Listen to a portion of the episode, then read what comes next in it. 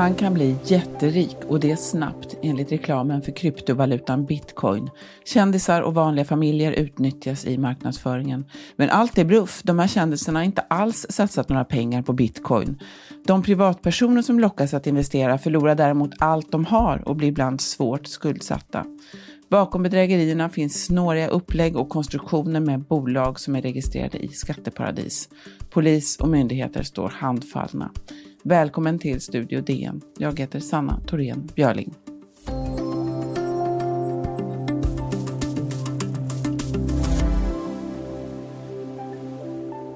Gå inte på det här. Jag har inget med, med det här att göra. Jag skulle aldrig hålla på med bitcoin. Jag skulle aldrig råda någon att göra någonting. Så jag blir helt chockad när jag ser det här. Eh, de har ju skapat ett helt konto eh, och, och tagit jättemånga bilder från mitt Instagramkonto och påstår sig vara jag. Och att jag då uppmanar människor att direkt investera i bitcoins. Och det gör ju mig för det första fruktansvärt arg, men det här är precis som Steffo sa, det här är ju oftast mm. människor som inte har så mycket sparade pengar. De vill bli framgångsrika och ser oss som trovärdiga förebilder. Steffo Törnqvist och Jenny Alversjö, programledare i TV4, som i annonser påstås ha blivit stormrika genom investeringar i bitcoin. Andra kändisar som Fredrik Skavlan och Filip Hammar har förekommit i samma sammanhang. De här annonserna är utformade för att påminna om artiklar i seriösa medier, eh, som till exempel Dagens Nyheter. Med oss idag har vi Mattias Karlsson som är reporter på DN och är den som har granskat bitcoinbedrägerierna. Välkommen Mattias! Tack! Du har ju i tidigare reportage berättat om hur en del av det här går till och hur människor har lurats av försäljare och lägga in alla pengar de har och mycket mer än så i spekulationer. Då har du skrivit om hur de här telefonförsäljarna, hundratals av dem, sitter i Kiev och ringer och tjatar på att människor ska ringa och satsa mer och mer och mer. Nu har du kommit med nya avslöjanden. Eh, hur kommer det sig att du kom in på det här med annonser och Facebook-annonser? Jo, efter, efter eh, reportagen här i våras då, så blev jag kontaktad av en person som sa att eh, här finns de annonserna som leder in människor till de här bedragarna. Så vad vi fick tillgång till var helt enkelt eh, en läcka, en databas ifrån ett reklambyrå i Kalifornien som har gjort då alla de här uh, falska annonserna och kändis artiklarna helt enkelt. Och de här reportagen har gjorts i samarbete med journalistnätverket OCCRP och flera internationella tidningar ska vi säga då också. De här annonserna leder ju då vidare eh, till nya hemsidor där man bjuds in och spekulera. Eh, vad upptäckte du när du letade efter vad det här var för bolag som fanns bakom här? Ja, men det som är lite intressant är ju liksom att mångt och mycket så är det ju en slags kriminell industri som ju går ut på att ta eh, människors pengar. Men utåt sett och liksom inför, även inför sig själva så agerar ju många av de här bolagen som om de vore helt vanliga företag. De har fina kontorslokaler och de har firmafester och, eh, och liksom eh, evenemang och åker, åker go-kart tillsammans. Och, alltså, påminner väldigt mycket om en vanlig arbetsplats. Men det liksom arbetet man gör syftar till att lura människor helt enkelt. Det är ju en sak som, som är ganska förvånande tycker jag. Det här äh, Ads Inc då som de heter som gör de här annonserna. De hade ju ett fint kontor mitt i San Diego i en av de här skyskraporna där i, i, i finansdistriktet. Så det är en sån sak som, som har förvånat mig lite, just hur, hur normaliserat det är bland de som arbetar med det här. Och som du berättade lite grann för mig också tidigare när vi pratade så finns det mycket här som är liksom någonstans i gränslandet mellan vad som är lagligt och olagligt och det ena leder vidare till det andra som slutar i någon slags eh, antingen att det är registrerat i ett skatteparadis eh, eller, eller att det är något annat som är svårare att komma åt. Medan andra är fullt licensierade bolag som gör eh, saker enligt också på ett helt lagligt sätt. Ja, precis. Alltså det, det, man kan säga att det finns ju liksom tre varianter, men som alla utnyttjar samma bluff eh, och som på olika sätt liksom utnyttjar de här falska artiklarna då, liksom, och det intresset som de ändå har skapat kring de här eh, påstådda liksom, fantastiska robotarna då som ska tjäna eh, de här pengarna åt människor. I princip så kan man säga, om man ska förklara det enkelt, så, så, så det de påstår att det, det är att det är en, en tradingrobot som automatiskt handlar med bitcoin då och förutser marknaden och tjänar jättemycket pengar och alltid har rätt. I själva verket så är det ju liksom bara en, en reklamgimmick som är till för att samla in människors uppgifter som sen säljs vidare till eh, forex eh, brokers, alltså handelsplattformar på nätet där man kan spekulera i olika valutor. Och de finns då kan man säga i tre olika nivåer. Det ena är de totalt kriminella som bara stjäl pengar och, och som simulerar att du handlar någonting. Till exempel som de som vi såg i Kiev, det var ju ett sådant exempel. Sen finns det andra exempel som är lite mera i gränslandet till det lagliga, registrerade i skatteparadis och som har de här handelsplattformarna. Då.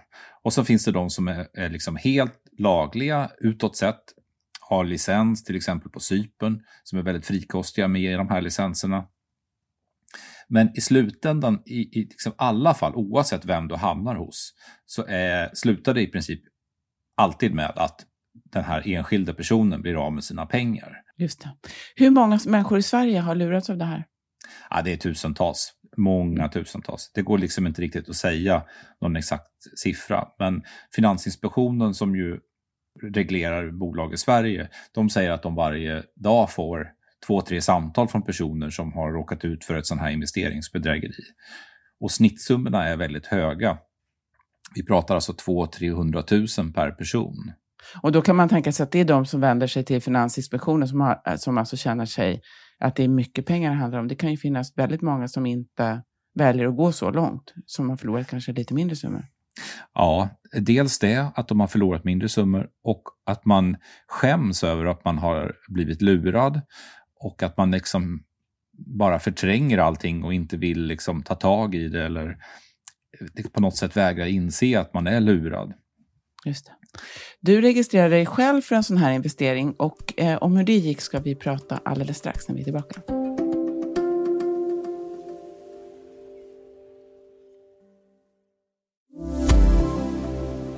Vi pratar idag i Studio DN med Mattias Karlsson som är reporter och eh, har skrivit om bitcoin. Du Mattias, du registrerade ett kontantkort för en, ett sånt här upplägg. Berätta om det, vad hände då? Ja, men precis, vi gjorde ett experiment. Vi skaffade 12 telefoner med 12 olika kontantkort och då mejladresser till varje för att kunna separera de här olika och se vem som hör till vem och så. Så har, vi, har jag registrerat mig på väldigt många olika av de här tjänsterna. Bland annat då Bitcoin Code som är en av de mest kända påhittade eh, bitcointjänster. Och eh, sex minuter efter att jag skrev in mitt, mitt namn och mitt telefonnummer så ringer det i telefonen. Och det är ett svenskt nummer och då är det ett sånt här tradingbolag som vill att nu ska jag satsa pengar. Just det. Vi ska höra hur det lät. Nu ringer det ett nummer ifrån Växjö. Hallå? Ja, hallå, hallå. Jag ringer ifrån Forex TB här gällande din registrering hos oss. Det stämmer va? Om jag skulle sätta in då 250 euro, hur, hur mycket ja. kan jag tjäna då så att ja. säga? Du får tänka så här. De här människorna som står på de här marknadsföringen, ja. de har investerat oftast större summorna. Så man kan inte förvänta att tjäna de här stora summorna på investering på 250 euro. Det går, det bara tar lite längre tid. Så man kan inte bli miljonär på två veckor liksom. Forex TB ska vi säga här då är ett bolag som får sina kunder genom de här bluffsajterna, alltså som slussar folk vidare här. Vad, vad hände när du sa att du var reporter? Eh, ja, det gjorde jag i något senare samtal. Eh, ja, de liksom tar liksom inte riktigt till sig det här. Eh, jag försökte säga att ja, men, eh, jag kom till er från en bluffsajt som påstår att jag ska tjäna en miljon på hundra dagar och att eh, det finns en automatisk tradingrobot som alltid har rätt. Och det stämmer ju inte. Liksom. Om, varför samarbetar ni med de här bluffmakarna? Eh, men, men, det gick, gick, inte riktigt att få några svar. De bara försöker förklara bort det och säger nej, nej, nej och hit och dit. Men, men i slutändan så är det ju så att oavsett om, så att säga, om, de, om, om pengarna stjäls eller om om man eh, gör en riktig spekulation så är ju risken att bli av med pengarna enormt stor. För den här typen av valutaspekulationer så ligger ju förlustprocenten för privatpersoner runt mellan 80 och 90 procent. Och det är alltså vad bolagen själva eh, uppger att det här är, vad, det, det så här det ser ut. Och det är de tvungna att göra om de har licens att berätta då hur, hur, hur stor är risken att man förlorar.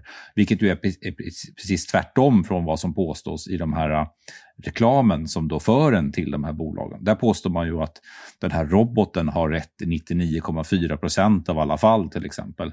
Det finns ju också eh, Google som ju inte är något eh, handelstradingföretag utan ett helt annat, ett stort techbolag. De tjänar också pengar på det här eh, som egenskap av annonsförsäljare.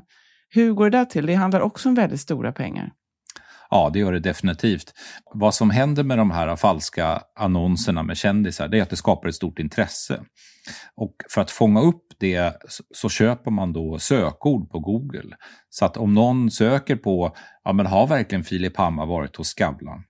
Då har de betalt Google för att de ska visa upp deras annons då i samband med det när man söker för att få information om det här. Och på så sätt så fångar man upp då sådana som kanske är eh, oroliga eller misstänker att det kan vara något fuffens. Eh, då fångar man in dem igen och, och för tillbaka dem så att säga, in i de här eh, bluffsajterna. Då.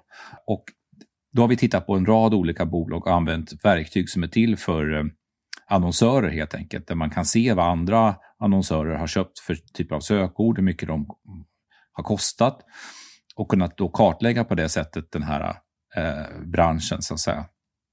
Och då pratar vi om hundratals miljoner kronor som de här bolagen lägger på eh, sökordsannonser. Just det, så det är ju uppenbarligen lönsamt, alltså att det är, ja. verkning, det är effektivt. Ja. Eh, provisionen för en enda kund som man lyckas förmedla från en sån här bitcoin-sajt till en sån här eh, valutahandlare eh, är ett par tusen kronor eh, mm. för en enda person. Så det säger ju någonting om hur, hur, högt man värderar de här och vilka typer av vinster man kan få på, på att få in en sån här person. Då. Just det. det är ju uppenbarligen bluff då, man, man, det är ju helt häpnadsväckande då. Men hur, eh, det har du också beskrivit här, men polisen kan inte göra så mycket här. Hur kommer det sig? Ja, det beror ju i, i stora drag på att dels så är själva kedjan uppdelad i så många olika delar. Och varje del i sig kanske inte gör så mycket liksom, eh, brottsligt. Eh, och, det är väldigt svårt att bevisa att du har någon i USA som har gjort en annons på svenska. Men visste de vad den annonsen, var det, att den var falsk? Det är inte säkert. Och då ska man bevisa det. Och vilken person var det? Ett bolag kan inte göra sig skyldig till brott. Det är bara enskilda individer som kan. Så att liksom för att få hela den här kedjan från annons till att någon har förlorat pengar, då måste du knyta varje enskild händelse till slutpunkten. Så att säga. Så då måste du kunna säga att personen Kalle i San Diego gjorde den här annonsen och visste att det här var i syfte att begå ett brott. Och sen så ska du liksom då därifrån kunna knyta dig hela vägen till så att säga, personen i Sverige som då blev av med pengarna. Och det är i princip ja, det är omöjligt, det går liksom inte. Så det handlar både om eh, dels vilket brott som har begåtts, alltså vad är själva bedrägeriet och vad är bara falsk marknadsföring? Mm. Och sen var någonstans eh, ska den personen i så fall lagföras? För det är ju olika, kan ju vara olika jurisdiktioner här också, eller hur? För det är olika länder inblandade. Ja, verkligen. Ja, absolut. Och, också, sen är det också det där, hur ska du då bevisa, okej, okay, du satte in 5 000 eh, euro till exempel då hos den här mäklaren. Och så gjorde du några tradingar och sen var pengarna plötsligt bara borta. Ja, då måste du ju då för att kunna bevisa att det är ett brott, stals de här pengarna? Gjordes det en verklig investering eller bara försvann de samma dag? Eller manipulerade? Alltså, det, det blir hela tiden väldigt många svåra fall där man måste kunna visa då. Det som var det som var så unikt med reportaget vi gjorde i våras, det var att då hade vi ju en person från insidan som redan från början kunde lägga upp, kunde förklara vad premissen är. Nej, men pengarna investeras aldrig, de bara tas direkt. Och, och på så sätt så var det ju lätt för oss då, då kunde vi säga att det här är brott, det här är rent kriminella som stjäl de här personernas pengar. När det kommer till de här bolagen som vi ser nu, till exempel Forex TV, det är ju en helt annat eh, sammanhang. Där finns det ju en licens, de har rätt att, att göra de här spekulationerna och, och eh, men pengarna försvinner ju i vilket fall. Och på vilket sätt gjorde de det? Ja, det vet man ju inte riktigt då. Liksom. Ja, just det. Vad tror du då, eh, som har granskat det här, eh, det är ju enorma pengar i omlopp här. Finns det någon enskild person bakom det här, eller en organisation, eller är det många små? Vem, vem tjänar pengarna på det? Vem tar allting? Ja, men jag tror det finns, det finns ju många små och det finns många medelstora. Och sen finns det ju liksom några stora aktörer som gör själva systemen för att det här ska fungera. Det är dels marknadsföringssystem, eh, där man liksom eh, ja, hela nätverk som, som driver upp varandra och som producerar de här annonserna och så.